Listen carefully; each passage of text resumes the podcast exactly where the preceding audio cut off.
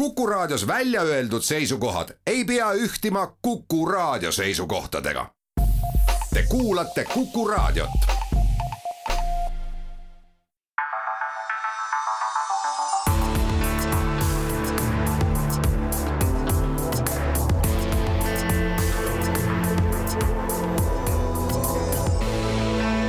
olukorrast ajakirjanduses tere pärastlõunat, Kuku raadio stuudios on üheksas jaanuar kaks tuhat ja kakskümmend kolm. Need viinavabriku vanamehed Rein Lang ja Väino Koorberg on siia äh, maha istunud, pannud lauale oma juba kuusteist aastat vana iPhone'i, sest et just täna kuusteist aastat tagasi esitleti San Franciscos esimest iPhone'i.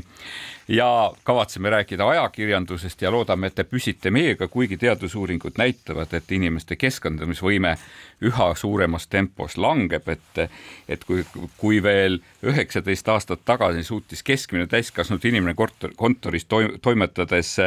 ühele tegevusele keskenduda kolm pool minutit, et siis nüüd on vastav näitaja, mis sa arvad, Rein, kui palju? no eks ta ikka alla minuti vist läheb juba. umbes, umbes mi alla minuti jah, tõepoolest, et, et sellepärast katsume osad asjad teile hästi kiiresti ära selgitada, et, et selle, selle juures tuleb meile abiks klikisääst ja Facebooki kogukond, kes, kes aitab ajakirjanduse klikimeelitavaid pealkirju Eesti lugejatel eh, vältida ja nemad on andnud välja aasta koostöö ja klikipreemia. aasta koostöö ja klikipreemia on pälvinud üheskoos siis Kroonika, Õhtuleht ja Elu24 ja nad on selle pälvinud pealkirjaga Ametlik selgus kuninganna Elizabeth teise surma põhjus. Rein, kas sa tead, mis see oli? ei oska ette ka kujutada, mida. klikisääste on teid säästnud juba siis, kui see, kui see üritus toimus, vanadus. aasta ilunipi preemia aga saab Kroonika pealkirja eest sünnipäevalaps Liis Lemsalu jagab nippi, kuidas välja näha nagu miljon dollarit, naised kõrvad kikki, selleks kasutage meiki. Aga meie räägime põhiliselt eh, posti, eh, ajakirjandusest, mõtlesime, et alustame siis Postimehe aruandest lugejale, et suurepärane sinine vihik on meil mõlemal nina ees, et mis me sellest siis arvame. saime teada, et ajakirjaniku kiire targipäevaga päästab klassikalise muusika pooltund ja et eh, roheluse uppuvas sakraalse arhitektoonikaga Postimehe maja galeriis eh, on viimanegi kui klahvilöök pianissimust fortissimoni fortissimoni kuulda ja ükski heli ei summuta teist. kas sina said veel midagi? kui nüüd? Eh, raadiopilti näitaks, siis oleks sealt pildist olnud näha, kuidas ma ürit-, vehin kätega ja ütlen, et ärme räägi sellest, et piinlik on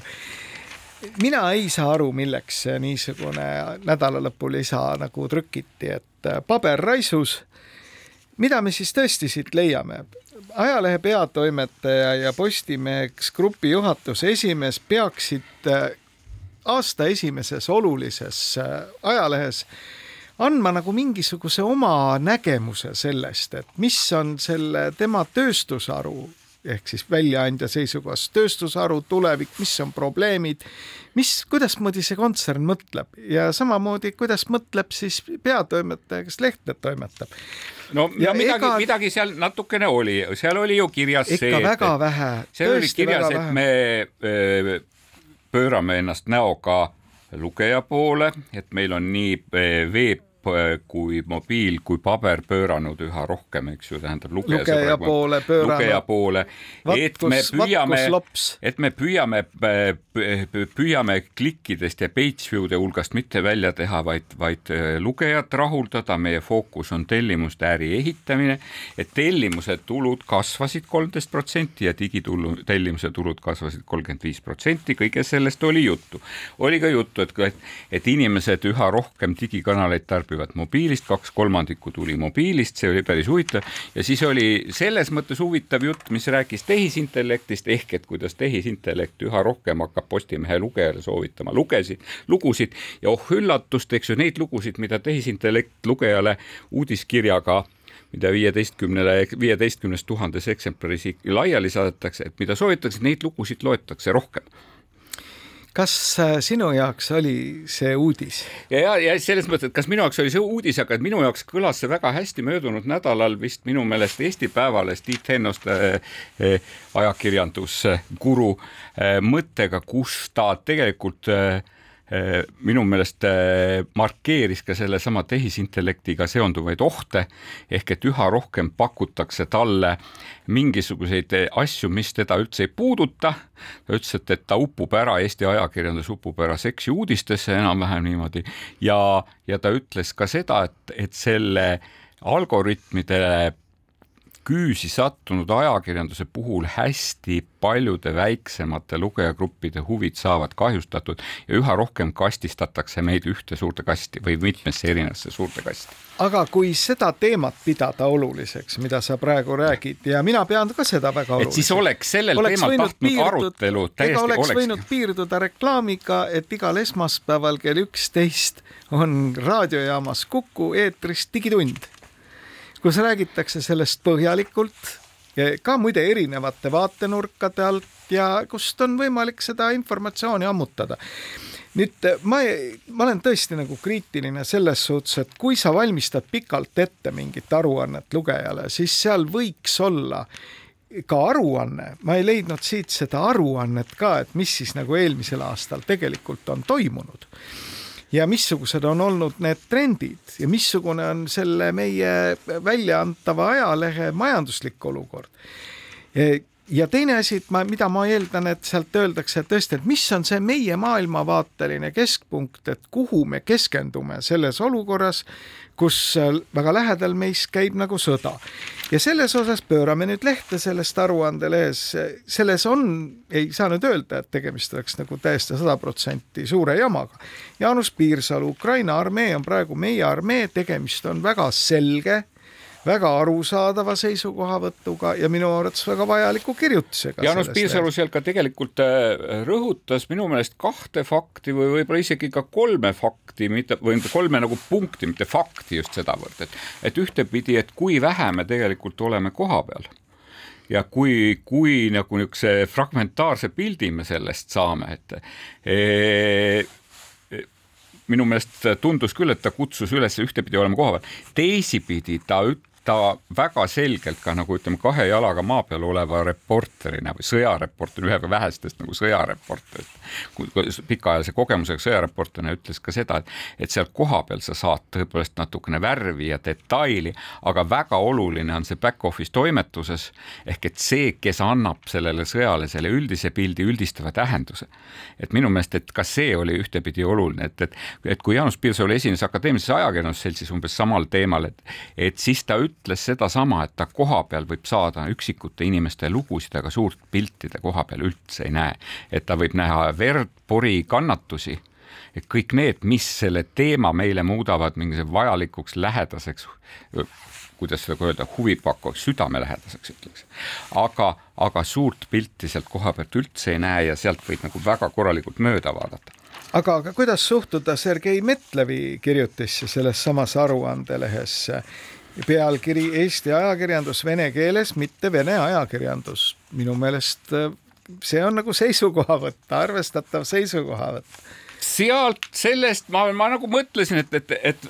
et ma ootan Postimehe aruandest lugejale, tõepoolest ma ootan trendi, ma ootan siukest futuroloogiat ma ei oota sellest nagu niisugust sügavat turundust, et oleme endiselt teinud ajalehte, meil on üksikud probleemid, praegusel hetkel probleemid kallineva kodukandega, me otsustasime, et kojukandega, et me otsustasime, et me lehte ühel päeval välja ei anna, aga lugeja võidab sellest. no ütleme nii, nagu see turundusosakonnad neid halbu uudiseid üritavad kogu aeg maha müüa, et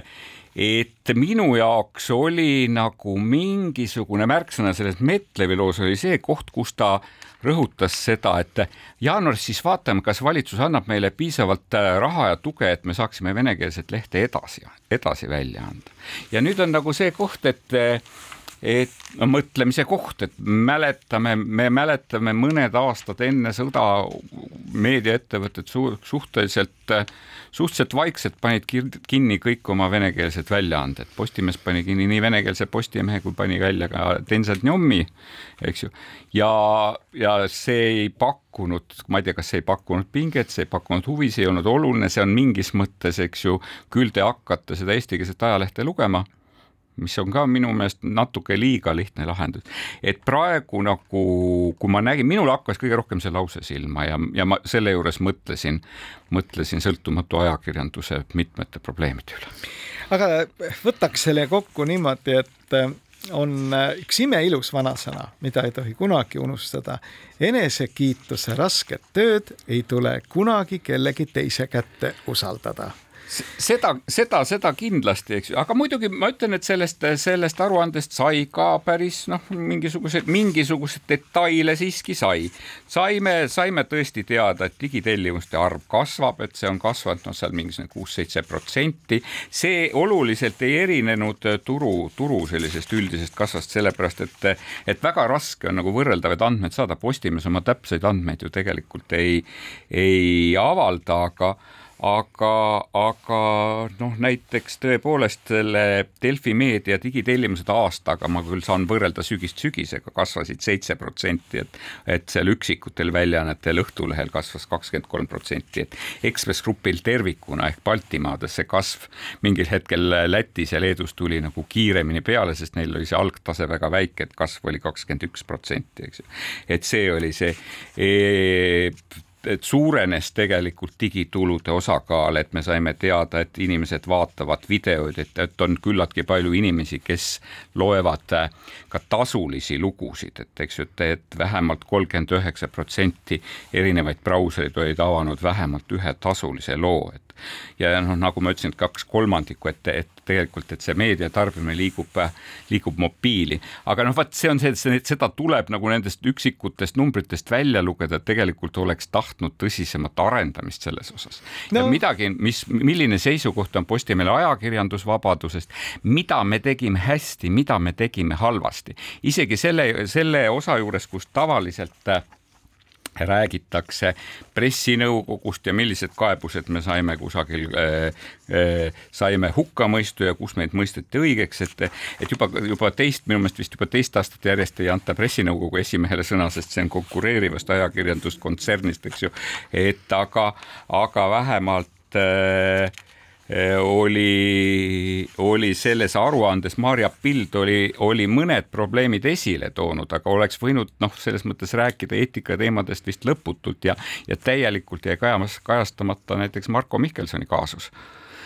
no et, see veel puudus, et, nad oleksid selles aruandelehes hakanud et, seda pikalt selle, ei no kui, kui et... ütleme, et kui me ausalt räägime, et me seal tegime midagi halvasti, et me saime pressinõukogus süüdimõistva otsuse, neid kaasusi oleks võinud ka natukene nagu enesekriitilisemalt võib-olla arutada, et ma veel kord ütlen, et see on nagu aruanne lugejale, see ei ole turundustekst. ja aga vaata, siia ongi see koer maetud, et minu meelest, kui sa pea pealkirjastad äh, aasta esimese ajalehe selliselt, et see on aruanne lugejale ja paned selle nii-öelda oma selle põhilehe vahele, siis äh, see võiks ollagi aruanne lugejale, mitte pelgalt selline sisuturunduslik pool, ehk mina võtaksin selle nii kokku, et Postimees jättis tegelikult kasutamata suurepärase võimaluse omaenda tegevust oma lugejatele avada. aga meie läheme siinkohal väikesele pausile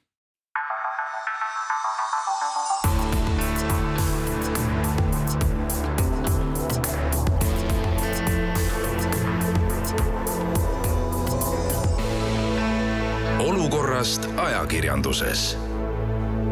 oleme lubanud, et lõhestuvatel teemadel me selles saates väga juttu ei tee, aga, aga jätkame siis tegelikult ajakirjanduse vaagimist ja kaalumist, et Postimees on oma sahmaka kätte saanud, ma arvan, et läheme oma teise lemmikpatsiendi juurde, et tegelikult oleme rääkinud Rahvusringhäälingust päris mitmes saates, isegi ka aasta viimases saates rääkisime, aasta esimeses saates rääkisime. natukene rääkisime sellest, et Priit Pullerits tegi otsa lahti eh, kirjutades suurepärasest lepingust, mida Rahvusringhääling on sõlminud eh, Tallinna linnavalitsusega selleks, et Eesti Laulu konkursi vaheklippidesse Eh, kuidas siis nagu tutvustada Tallinna, Euroopa rohepealinna Tallinna eh, kõikvõimalikke eesmärke. et eh, Eesti Päevaleht kirjutas nüüd ka möödunud nädalal tegelikult umbes sarnase loo, kus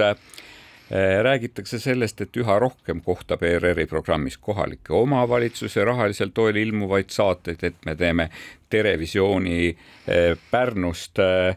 Eesti Kontserdi ja Pärnu linnavalitsuse toel, et me, et me teeme otsesaate, hommikuse otsesaate tulevasest kultuuripealinnast Tartu Tartust, eks ju, kus Tartu kultuuripealinn saab iseennast turundada ja tutvustada ja nimetame seda siis sellisel juhul mitte meelelahutuseks, mitte sisuturunduseks, mitte paiga või koha turunduseks, vaid nimetame seda siiski selgeks ja sõltumatuks ajakirjanduseks ja aga ma arvan, me võlgneme oma kuulajatele selle peamise põhjuse, miks me selle teema juurde praegu tuleme. nimelt siis sõlmis ERR Tallinna linnaga ühe lepingu, millest on Postimees kirjutanud ja millest on ka Eesti Päevaleht kirjutanud. leping on, ütleme nii, et natukene kummaline. kõik me teame seda, et äh, seisab meil ees äh, Eesti kultuuri ja ajaloo seisukohast äh, kõige olulisem saade, Eesti Laul ja selleks tuleb väga palju vaeva ja tuua telekate ette laiad tööliste talupoegade neppmanite massid. aga raha on selleks vähe ja, ja, ja selleks, et masse kokku ajada, et niikuinii nagu ma ütlesin, et kuueteistkümnendikud ja kolmekümne kahendik finaalid oleme me selle organisatsiooni juurest juba selle ürituse juurest rahapuudusel ära kõrvaldanud. ja järg... nüüd tuleb geniaalne mõte, eks ole, tõeliselt geniaalne mõte, et paneme sinna sellesse laulusaatesse vahele mingisugused klipid mingisugused sellised eluliste väärtuste promomise klipid. ja mis võiks veel olla olulisem kui roheline mõtteviis, eks ole, rohepööre. Tallinn on alati rääkinud seda, et ta on roheline linn ja hoolitseb keskkonna eest ja nüüd Tallinn maksab, see summa oli vist viiskümmend viis tuhat eurot mille eest siis toodetakse, kujutage ette, Eesti Laulu ehk lauluvõistluse vaheklipid. tegu ei ole reklaamiga sest reklaam on keelatud. tegemist ei ole sisuturundusega, sisuturundus on keelatud. tegemist ei ole tootepaigutusega, sest tootepaigutus on keelatud aga ei maksa kunagi unustada, et Eesti Laulu, see Eesti lõppkontsert on eetris vahetult enne valimisi. ehk siis äh, võib eeldada, et seda vaatab tõesti väga suur hulk inimesi ja nüüd kujundada mingisugust sellist äh, väärtushoiakut on teatud poliitilistele jõududele muidugi enne valimisi noh, seda on sama palju vaja nagu õhku, eks ole. nüüd äh, mina arvan küll, et selle asjal on ikkagi hoopiski tõsisem tagamaa ehk üritatakse nüüd näidata seda, et see Tallinna valitsemine, kus on siis määrav roll, eks ole, Keskerakonnal, et see on igati tore asi see aitab Eesti Laulu, kõike niisugust mõnusat äh, äh, eluviisi, eks ole, see on nagu see Vene telekanalid nagu Dožd sealhulgas, mis ei olnud mitte niivõrd uudismeedia, kui nad ise ka ütlesid, et nad on elustiili kanalid ja sellise elustiili kanaliga üritatakse nüüd pähe määrida, eks ole, potentsiaalsele valijale mingisugust asja, et ta läheks valimiste päeval või ka enne seda ja hääletaks teatud poliitiliste jõudude poolt. nüüd äh, rääkigu kõik need osapooled, mida nad tahavad aga minu jaoks on tegemist väga selgelt poliitilise käiguga, mille mõtles välja siis Mart Luik kes on, kes, kes on ju täiesti mittepoliitiline isik, eks ole. praegusel hetkel on, on siis ERR-i juhatuse liige. jah, ja, ja sellel on poliitiline tagamaa ja nüüd, kui me räägime, et see on viiskümmend viis tuhat eurot pandud mängu teatud poliitiliste jõudude heaks, siis minul on küsimus, ae, Kaarel Tarand, U, kus sa nüüd oled? Sina, kes sa peaksid vaatama, et erakonnad ei võtaks vastu keelatud annetusi, mida, mis Tallinna linnale on korduvalt tehtud ettekirjutus mingisuguste summade tagasinõudmiseks ja, ja et need ei, ongi kvalifitseeritud olnud keelatud annetusena. mina ikkagi väga nüüd, aga ma ennustan et sealt ei tule mitte piuksugi. sa oled alati väga eelarvamuslik ka Kaarel Tarandi suhtes, eks ju, mina pean Kaarlit selle koha peal kaitsma, eks ma oletan, et ma oletan, et see teema on temani väga hästi jõudnud juba, aga aga noh, laiemalt võttes, et eks ju, sina näed asja poliitiliselt, mina ikkagi näen, ma ootan, et millal saabub see kriitiline mass, kus tegelikult, kus tegelikult ERR-i enda ajakirjanikud ühel hetkel võtavad sõna, et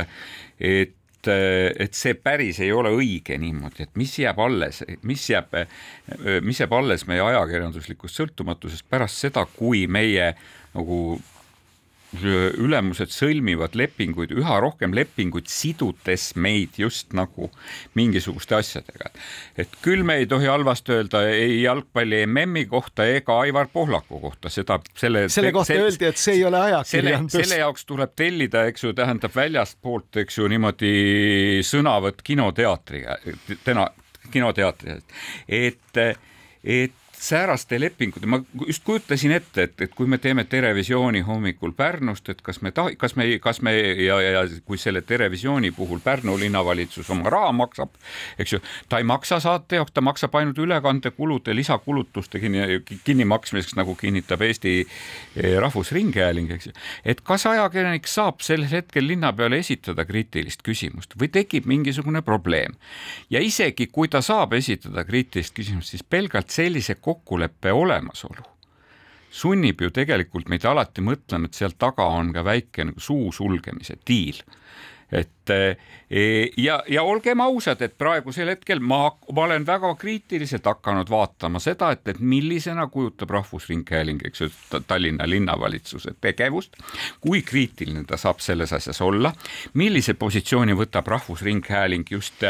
just selle e, rohelise pealinna teema juures, nagu ma korra olen öelnud, et, et, et kas ta võtab kriitiliselt seda teemat, et Tallinna kõige suuremas sooja, soojasaar, see oli see koht, et kus meil nagu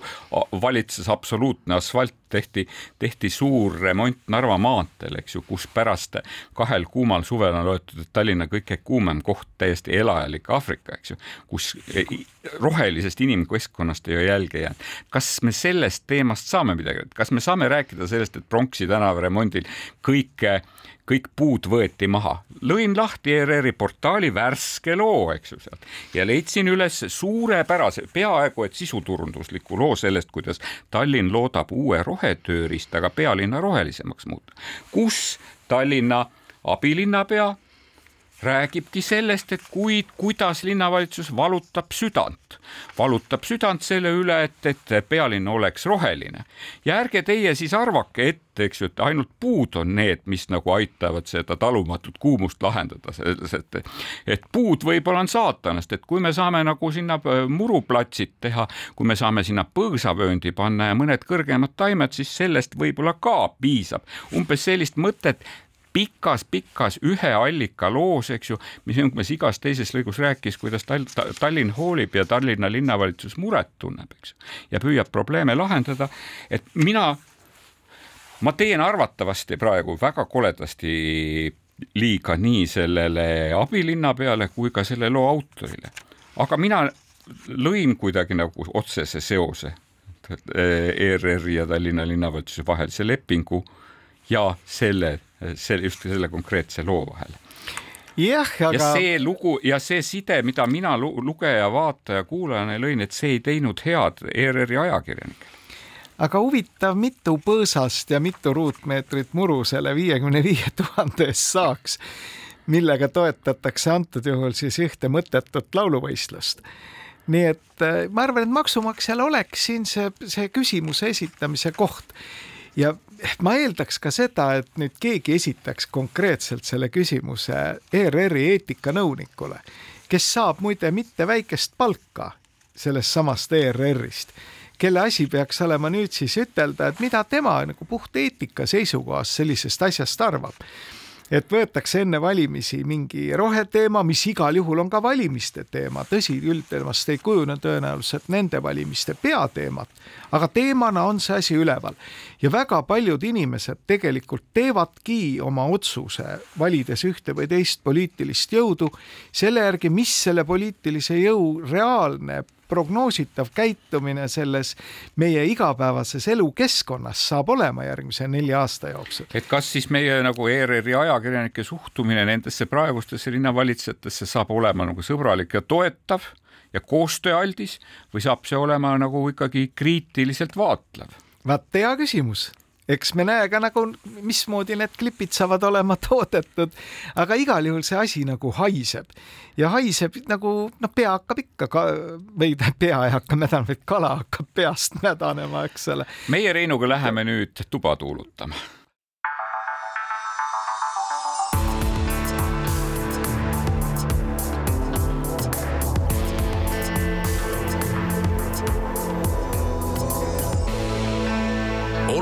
olukorrast ajakirjanduses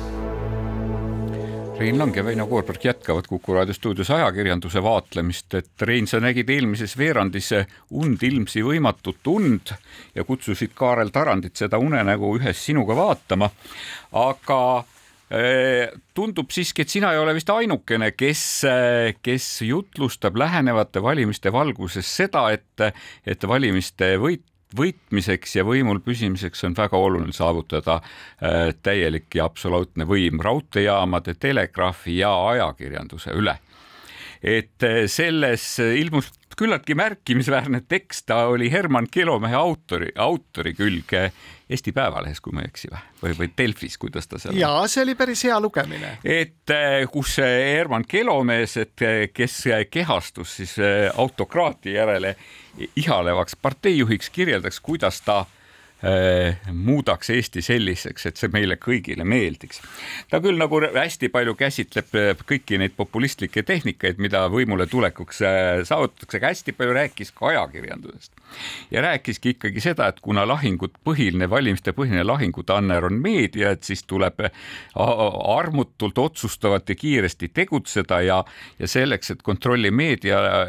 meedia üle saavutada, et esmalt tuleb haarata kontroll Rahvusringhäälingu Rahvusringhäälingu üle. ta küll nimetab seda Rahvusringhäälingu vabastamiseks, see tähendab omade jopede paigutamine eksperdina nii nõukogudesse kui ka tegelikult Rahvusringhäälingu enda sisse, sest sellisel järel tuleb haarata enda kätte ka nagu positiivne positsioon ja hoiak mõlemas suures meediamajas, ütleb, et ühe meediamajaga on meil olnud lihtsam, et nendega oleme me juba kogenud, et varem saab nagu nendega saab asju kokku leppida, nad teevad igasugust äri,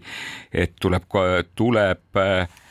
tuleb äh, teise meediamajaga tuleb natukene rohkem vaeva näha, tuleb lõpetada veebimeedia anarhiline seisund ja viia see selgelt meediateenuste seaduse alluvusse ehk valitsusregulaatori nagu juhtida, määratleda, kontrollida, karistada ja suunata. Eks ju, arvatavasti tuleks nüüdistada, nüüdisajastada ka ringhäälingu seadust, eks ju, et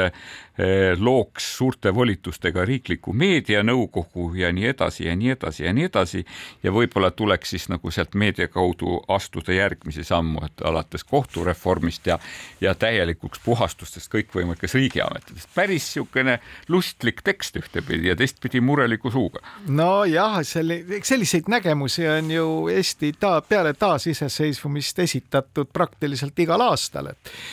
kas see oht on Eestis lõplikult likvideeritud? ei, ma ei usu, et see lõplikult likvideeritud on. aga mulle tuleb ikkagi meelde see tohutu intensiivne katse üheksakümnendate esimeses pooles kirjutada ajakirjandusseadust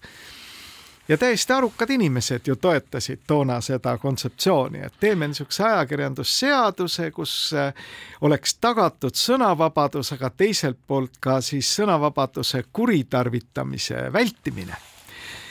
ja no õnneks tookord jäi ikkagi peale selline nägemus, et Eesti mingit ajakirjandusseadust ei vaja. mina olen täiesti veendunud, et ta ei vaja seda ka täna aga veel tänagi jookseb mööda Tallinna linna ja ka Tartu linna ringi ridamisi neid inimesi, kes arvavad, et võiks vaja minna küll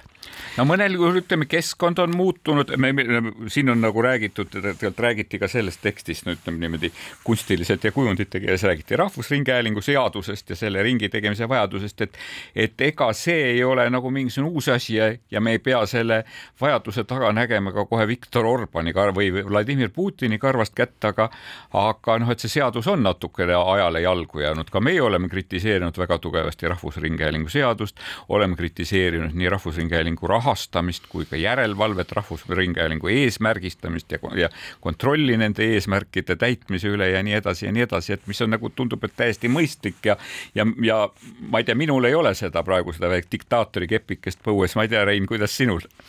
no Rahvusringhäälingu seadus, jah, seal on muidugi probleeme nagu iga seadusega, kõik seadused vajavad ju tegelikult ajas ja ruumis eriti need seadused, mis on seotud mingisuguse tehnoloogia arenguga, nõuavad ju uuendamist, aga e, e, Rahvusringhäälingu seaduse puhul on eelkõige probleem selle täitmine, mitte nüüd e, see seadus ise niivõrd. aga see loogika et Eestis peaks olema mingisugune kõikehõlmav meedianõukogu, mis siis reguleerib ka seda nii-öelda metsikut läänd selles veebiajakirjanduses see sihuke uitmõte ei ole kuskile kadunud. no ei ole kusagile tegelikult... ja Ungaris kõik hädad ju sellest tegelikult alguse saidki. et iseenesest idee, et sealset avalik-õiguslikku meediat peaks valitsema mingisugune meedianõukogu, selles ei ole ju midagi valet ja Euroopa Liidu õigus samamoodi näeb ju ette, et niisugune asi võiks olemas olla. aga ungarlased suutsid seda laiendada nagu globaalselt kõigele, mis Ungaris üldse ühte noh, mõtet te teise inimeseni viis. Ja sealt saidki need õudused kõik alguse, siis loodi mingisugune seletamatu sihtasutus, mille otsustamise õigust tänase päevani tegelikult täpselt keegi ei tea, kelle, kelle poole peab pöörduma või kellele tuleb helistada ja siis algas selline meediaettevõtete kägistamine üksteise järel. kui Ungaris tehti seda läbi mingi imeliku sihtasutuse, mille siis kombitsad viivad Orbanini, siis Venemaal seda kõike tegi äriühing, mille nimi oli Gazprom Meedia. ja see stiil oli väga lihtne et kui su ajaleht lõpuks omandas mingisuguse tähenduse, see tähendus tähendas seda, et sa trükkisid ja see jõudis saja tuhande tellijani. sada tuhat inimest sai osa sellest ajalehest. siis tulid sellised äh, hästi istuvas ülikonnas valge särgiga ja värvilise lipsuga mehed, kes tegid sulle ettepaneku oma ajaleht ära müüa. ja kui sa keeldusid, siis hakkas su reklaamikäive ootamatult vähenema no jaa, Rein, et kõigepealt võib-olla isegi, et ärme räägi ajalehest, ajaleht kui nagu suhteliselt marginaalne nähtus ka Venemaal, eks ju. ja ma räägingi, et seal käis ajalehtede kohta, nii et Gazprom Meedia ostis niimoodi kokku tegelikult Kõik oma mõju. Äh, raadio. aga jah, tele ja raadio puhul rakendati hoopis drastilisemaid. no jaa, aga me räägime teda, me räägime siiski sellest, et, et see ka see meediakeskkond on ju hästi palju muutunud, et, et me, riik on ühtepidi harjunud, et jube hea on reguleerida audiovisuaalset meediat, eks ju, televisioon televisiooni ja raadiot saaks nagu ringhäälingu lubadega kuidagi nagu väga selgelt reguleerida. aga oh häda, eks ju, nii televisioon kui raadio üha rohkem kaovad sellest nagu, nagu reguleerimise vallast ehk eetrist kaovad ära ja liiguvad üha rohkem nagu ütleme internetipõhiselt, eks no,. täpselt see, samamoodi tegelikult, eks ju, paberlehed äh, lahkuvad äh, turult küll aeglaselt ja klammerdudes, aga siiski lahkuvad. asemele tuleb tegelikult audiovisuaalne internetimeedia või digi digitaalne meedia, mis nagu sisaldab nii teksti, heli kui pilti. nii kui see on heli ja liikuv pilt, eks ju, nii et tahaks nagu seda nimetada televisiooniks ja, ja öelda, et ohoo, vot see ongi nüüd see meie uus reguleerimiskoht, et eks ju, et, et austatud äh,, austatud meediaportaalid, allutage ennast meediateenuste seadusele, eks ju, tähendab ja, ja, ja seal kehtivad omad reeglid. lisaks on meil siis hästi palju ju tegelikult selles samas internetis levimas mitte ajakirjandust, vaid meediat, meediat, võltsmeediat, võltsinguid, valeinfot, selget desinformatsiooni ja nii edasi, hästi palju erinevaid noh, halli varjundi erinevaid versioone, mis tegelikult on ka ohtlikud ja mis tegelikult tekitavad nagu, tekitavad nendes, kes on seatud meie üle ja kohale, tekitavad nad põhjustatud mure ja ärevuse ja vajaduse sekkuda, eks ju, selles mõttes tuleks kuidagi reguleerida seda valeinfo levikit. aga nüüd on jälle see, et, et, et selle reguleerimisega ühes, eks ju, sõidame me sisse ajakirjandusvabadusel, sõidame sisse väljendusvabadusel. et kes peaks siis otsustama, kus see õige koht on, sest et noh, digiteenuste direktiiv tuleb, eks ju, mis nagu tegelikult eh, seab ka just nagu vajaduse teatud regulaatori juurde ja ma arvan, et ajakirjandusettevõtted vaatavad ka murelikult selle no, arengute suunas. ega siis eh, me oleme juba nii palju vanad mehed siin viinavabriku kõrval küll, et me mäletame ju seda aega, millal litsenseerima hakati kunagi ma mäletan, Igor Gräzinil oli suurepärane ütlus luure kohta, et kunagi hakati luurama ja pärast ei saanud enam pidama. Ja täpselt samamoodi on selle riiklike ringhäälingu lubade jagamisega, et kord hakati neid jagama ja nüüd ei saada enam pidama. selle jagamise ainuks põhjenduseks oli see, et analoogses keskkonnas on ringhäälingu sagedusi piiratud hulk ja see, et neid ei jätku kõigile soovijatele, järelikult tuleb teha valik kes saab ja kes ei saa. sõbrast Viljandist te olete eluaeg määratud kuulama kantrimuusikat või midagi niisugust. aga no kõik need jah, niisugused grotesksed naljad selle ümber, et milliseid neid nõudeid siis kehtestati ringhäälingujaamadele, et noh, seal teatud protsent Eesti muusikat, teatud protsent uudistesaadetele ja nii edasi. ega muusikažanr on ka juba olnud. millest sai ju alati eemale viilida kuidagimoodi oskuslikult lepinguliste suhetega. aga täna, kus see tegelikult nii digitaalse ringhäälingu tõttu kui ka interneti leviku tõttu ei ole üldse probleem tegelikult see ressurss, see sagedusressurss, siis täna keskendub tõesti nüüd ütleme nende riiklike litsenseerijate jutt sellele, et vaat kui palju meil levib kõikvõimalikku valeinformatsiooni, uhuu-meediat ja nii edasi, et inimesi on vaja selle eest kaitsta, järelikult on vaja kõiki neid, kes kasutavad äh, internetti või siis seda äh, digitaalset ringhäälingut oma seisukohtade või informatsiooni edastamiseks, need peavad saama mingi riikliku lubatähe ja ma arvan, et peale järgmisi valimisi me näeme seda, et äh, tullakse välja mingi ideega nende riiklike lubatähtede osas. Ja ega see ongi siis see üks võtmekoht, millest ka kirjutab Kelomees, et kui ühiskond võtab selle vastu, ehk siis moodustabki mingisuguse tarkade klubi või riigiametnike kooslusi, kes hakkab neid lube siis jagama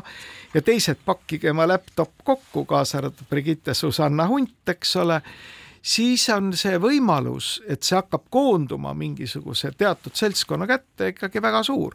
nii et ega see Kelomehe jutt ei ole pelgalt selline hobuse unenägu, see võib ka muutuda ühel hetkel reaalsuseks ja ta on täna tegelikult reaalsus Ungaris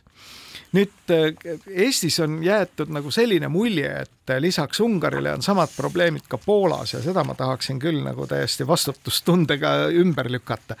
et Poola on ikkagi meediavabaduse seisukohast täiesti vaba maa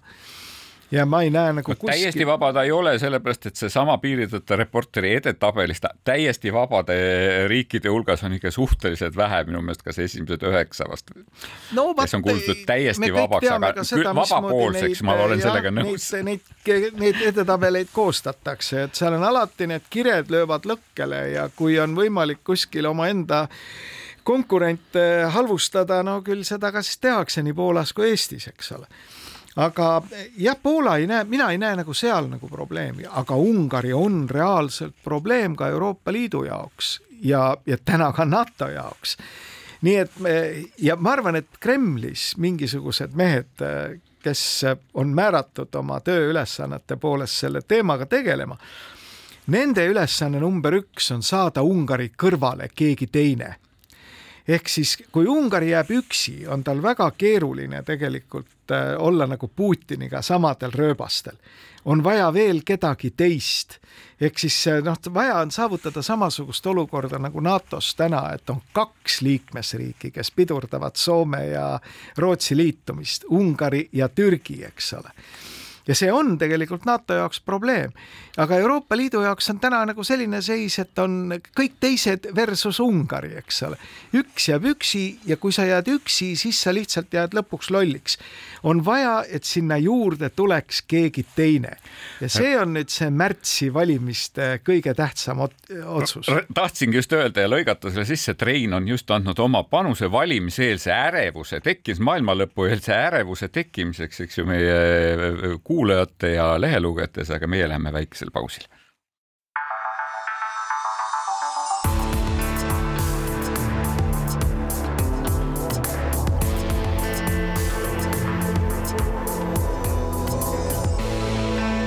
olukorrast ajakirjanduses Rein Lang ja Väino Koorberg viinavabriku kõrvalt Kuku raadio stuudiost räägivad ajakirjandusest, räägime, rääkisime nüüd äh,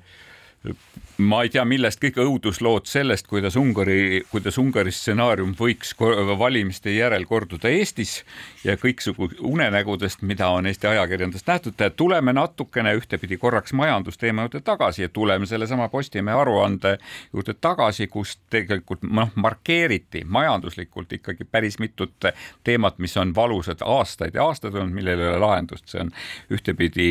e, e erameedia ja ja Rahvusringhäälingu konkureerimine ebavõrdne konkureerimine, siis seal oli täiesti selge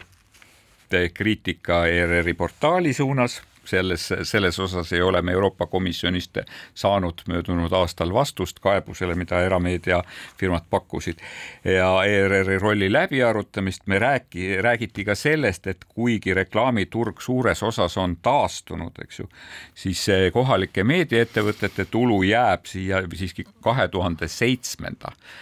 aasta tasemele kaks tuhat seitse, see on tegelikult kuusteist aastat tagasi. ja kõik see, mis vahepeal on nagu juurde tulnud, selle söövad ära rahvusvahelised suurplatvormid Google, Facebook kõik need muud, et, et, et kas me ei ole ikkagi suutnud kuidagi lahendada seda probleemi, et pakkuda meie meediaettevõtjatele nagu võrdseid konkurentsitingimusi nende lääne suurte platvormidega, kes võtavad siit raha ja viivad selle kõik minema, meie maksumaksja ei saa suurt mitte midagi. ja, ja kolmanda valupunktina rõhutati siis ajalehtede kojukannet, et sellel päeval, et mõtlesin, et miks, et me saade esmaspäeviti on vist muutunud suhteliselt mõttetuks, miks me räägime ajakirjandusest päeval, mil ei ilmu enam eh, päevalehti et nagu see viimane, viimane vallikraav langes ehk et Eesti Päevaleht teatas ka, et lugeja peab ikkagi võitma, et lugeja peab võitma sellest, et ta esmaspäeviti ei saa enam ajalehte, ta saab nüüd edaspidi neli lehekülge paksemat ajalehte, me küll ennustasime, et võib-olla Eesti Päevaleht nihutab oma ilmumist, et seniselt esmaspäevalt reedele, teisipäevast laupäevani, kuid, kuid ta otsustas siiski ühe päeva võrra veel kärpida seda, kärpida seda. täna ilmumist. tuli küll postkasti minul Eesti Päevaleht. täna sulle veel tuli, aga, aga järgmine esmaspäev enam ei tule. nii et head raadiokuulajad, pange hästi tähele, järgmisel et, esmaspäeval pole postkasti et, mõtet minna. et no selle kohta ikkagi räägiti, me oleme nagu rääkinud ühtepidi seda juttu, et, et, et põhjuseks on see kojukande hind, mis kasvab koletislikult ja, ja süüdlaseks on Konkurentsiamet, kes ei lubanud Eesti Postil ja Ekspress Postil äh, ühineda ja nõnda saavutada mingit sünergiat või kontrolli nende kulude üle, et aga kas see oleks olnud lahendus. et selles mõttes oli väga huvitav, minul oli kunagine äh, firma, mille nimi oli Raapos, see oli üks esimene niisugune erakojukandefirma Postimehe süsteemi juures, Raapose juht Ülo Kukk sotsiaalmeedias äh, tegelikult väljendas väga huvitavat, väga huvitavat mõtet selles osas, et selle, selle kojukande küsimuses just, et, et ta ütles, et mida me nagu vingume, miks miks me nutame taga seda, et miks me tahame, et me oleks Ain Reich, Ain Führer, Ain kojukandefirma, eks ju. et, et tegelikult, et tegelikult et see sugugi ei garanteeri seda, et kojukande hind ei suurene või nii edasi, nii edasi, et siis on kulud ka nendele. et ta ütleb, et kojukandes on vaja väga palju iseseisvaid, isemajandajaid, isemõtlevaid ja väikeettevõtlusel põhinevaid piirkondlikke võrke kõike ja ta ütleb, et kojukande teenuse järele on väga tänapäeval väga nõudlus, et see ei ole ainult ajalehe kojukanne, et kui me vaatame, et tegelikult, et Tallinna linnas, et kuidas meil robotid veavad kohale pakke, pakke ja robotid toovad sulle süüa ja süüa toovad sulle kohale ka kullerid ja nii edasi ja nii edasi. et siis täpselt sedasama teenust tahaks inimene ka meie hajaasustuses, et, et ta kutsub üles kojukandega tegelevaid inimesi ikkagi niisugune eh, vabanema mõttelaiskusest ja mõtlemisest ainult oma toote omaenda toote nagu kriteeriumites. vot minul on väga hea meel, et Ülo sõna võttis ja see, et sina praegu seda sõnavõttu võimendasid. ja see on olnud ka minu see sõnum kogu aeg, et kujuta nüüd ette, et meil on mingisugune toode, mis on see paberajaleht ja nüüd juba aastaid on see mõtteviis olnud suurtel kirjastajatel see, et me trükime selle oma trükikojas valmis ja siis viime riigile kuuluva ettevõtte ukse taha ja ütleme, et viige nüüd see inimestele koju, eks ole. seadus nõuab, et te tegutsete ja seda mõistliku hinnaga ja kui riigile kuuluv ettevõte A ei taha seda teha või ei ole suuteline seda tegema, siis käib niisugune noh, survestamine, poliitiline survestamine, mis mitte kuskile välja ei vii, õigemini ongi viinud selleni välja, et seda paberlehte enam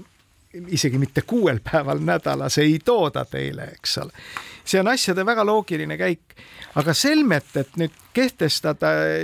nagu enda jaoks see mänguruum lihtsalt nagu riigi sõimamisele ja valitsuse sõimamisele, selle asemel võikski muud mõelda kreatiivselt. Et tegelikult ei seisne see kojukanne ju mitte ainult selle ajalehe postkasti panemises, seal on võimalik arendada uusi ja teisi teenuseid juurde ja need, see ongi see kapitalistlik kreatiivsus, mis lõpuks tegelikult viib innovatsioonini ja innovatsiooni kaudu parema eluni. et võtke nüüd lõpuks, lugupeetud suured meediamajad, oma ajud kokku, eks ole, tehke midagi. ma no, arvan, et see Omniva on eilne päev. riik ma tõenäoliselt ma tahtsingi öelda Rein, et, et sa pöördud ainult nende meediaettevõtete poole, et tegelikult tuleks pöörduda ka võib-olla selle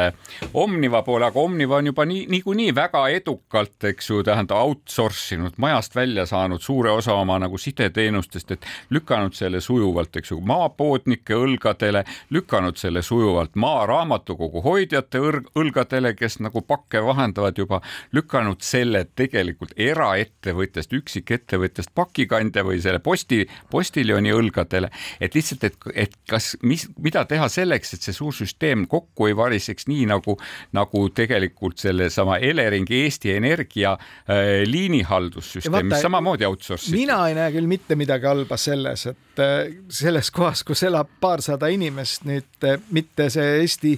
Post või Omniva ei tassi teile kohale, kohale seda kirja, vaid selle saab näiteks kohalikust maapoest kätte. no mis selles halba on? ei, selles ei olegi ja... midagi halba, et, et mina, mina mõtlen ka, et mina suunaks selle mitte üksnes meediamajade poole, ma ikkagi su suunaks natukene ka riigi poole ja mõtleks, et kas seda raha, mida me praegu sumame sinnasamma Eesti Posti või Omnivasse, eks ju, sellesama kojukandetoetuse näol, et kas seda raha siis on võimalik, kas sellega on võimalik ergutada just seda viimast miili seal selle no, kojukande aastal. ma arvan, et sa oled selles suhtes sinisilmne, et alati leidub ju selle Eesti Posti või Omniva, ükskõik mis tema nimi parajasti on, neid omanike esindajaid Riigikogu, kes ütlevad, et see peab säilima nui neljaks, mis siis, et see on ammuilma ära mädanenud, eks ole. Aga no kui äh, meediaettevõttel sõltub tema enda ärimudel sellest, et see ajaleht või tema toode jõuab nagu tarbijani, siis ta peaks ise nagu olema kreatiivne selles osas, mitte lihtsalt tegelema aastate pikku, eks ole, selle valitsuse sõimamisega nii et äh, soovin kõigile edu, võtke Üloga ühendust. jah, Ülo, kui sa meid ideid. kuuled, arenda seda mõtet, et, see tundub siiski kukkuvat viljakale vilja, pinnasele. me saade hakkab kuidagi otsapidi otsa lõppema, me jõu, oleme jõudnud rubriigini, et asjadest, millest me rääkida ei jõudnud, me tegelikult pikalt ei jõudnud rääkida äh, Valeri Karpini juht, juhtumist ja selle, selle ajakirjanduse rollist seoses sellega. no kinni, võime ainult ütelda, et äh, FSB sai kõikvõimalikud võimalikud punktid, nii et äh, annaks, keegi sai ordeni. annaks Moskvast. jumal, et valitsus, eks ju, jaanuariga lõpuks otsustaks ära selle venekeelse meedia toetamise raha, eks ju, niimoodi väga ja et see raha läheks õigetesse kohtadesse ja et need inimesed saaksid aru, mille eest nad seda raha saavad, võib-olla see oleks see mõte. me ei jõudnud rääkida sellest, et Naisteleht saab uue peatoimetaja Merle Luik ütles, et ta väsis ära ja läheb äh, puhkama. Aga ma arvan, et osadest asjast me räägime järgmises saates edasi, meie tervitame siis rohelist pealinna ja kõiki, kes seda ideed aitavad tallinlaste pähe eh, vuhistada ja mis, mille muuga kui looga Rohelised niidud. kohtume järgmisel. ja Kaarel Tarandile ka tervitusi. kord olid niidud rohelust täis, pilv taevapõlvist vaid harva üle käis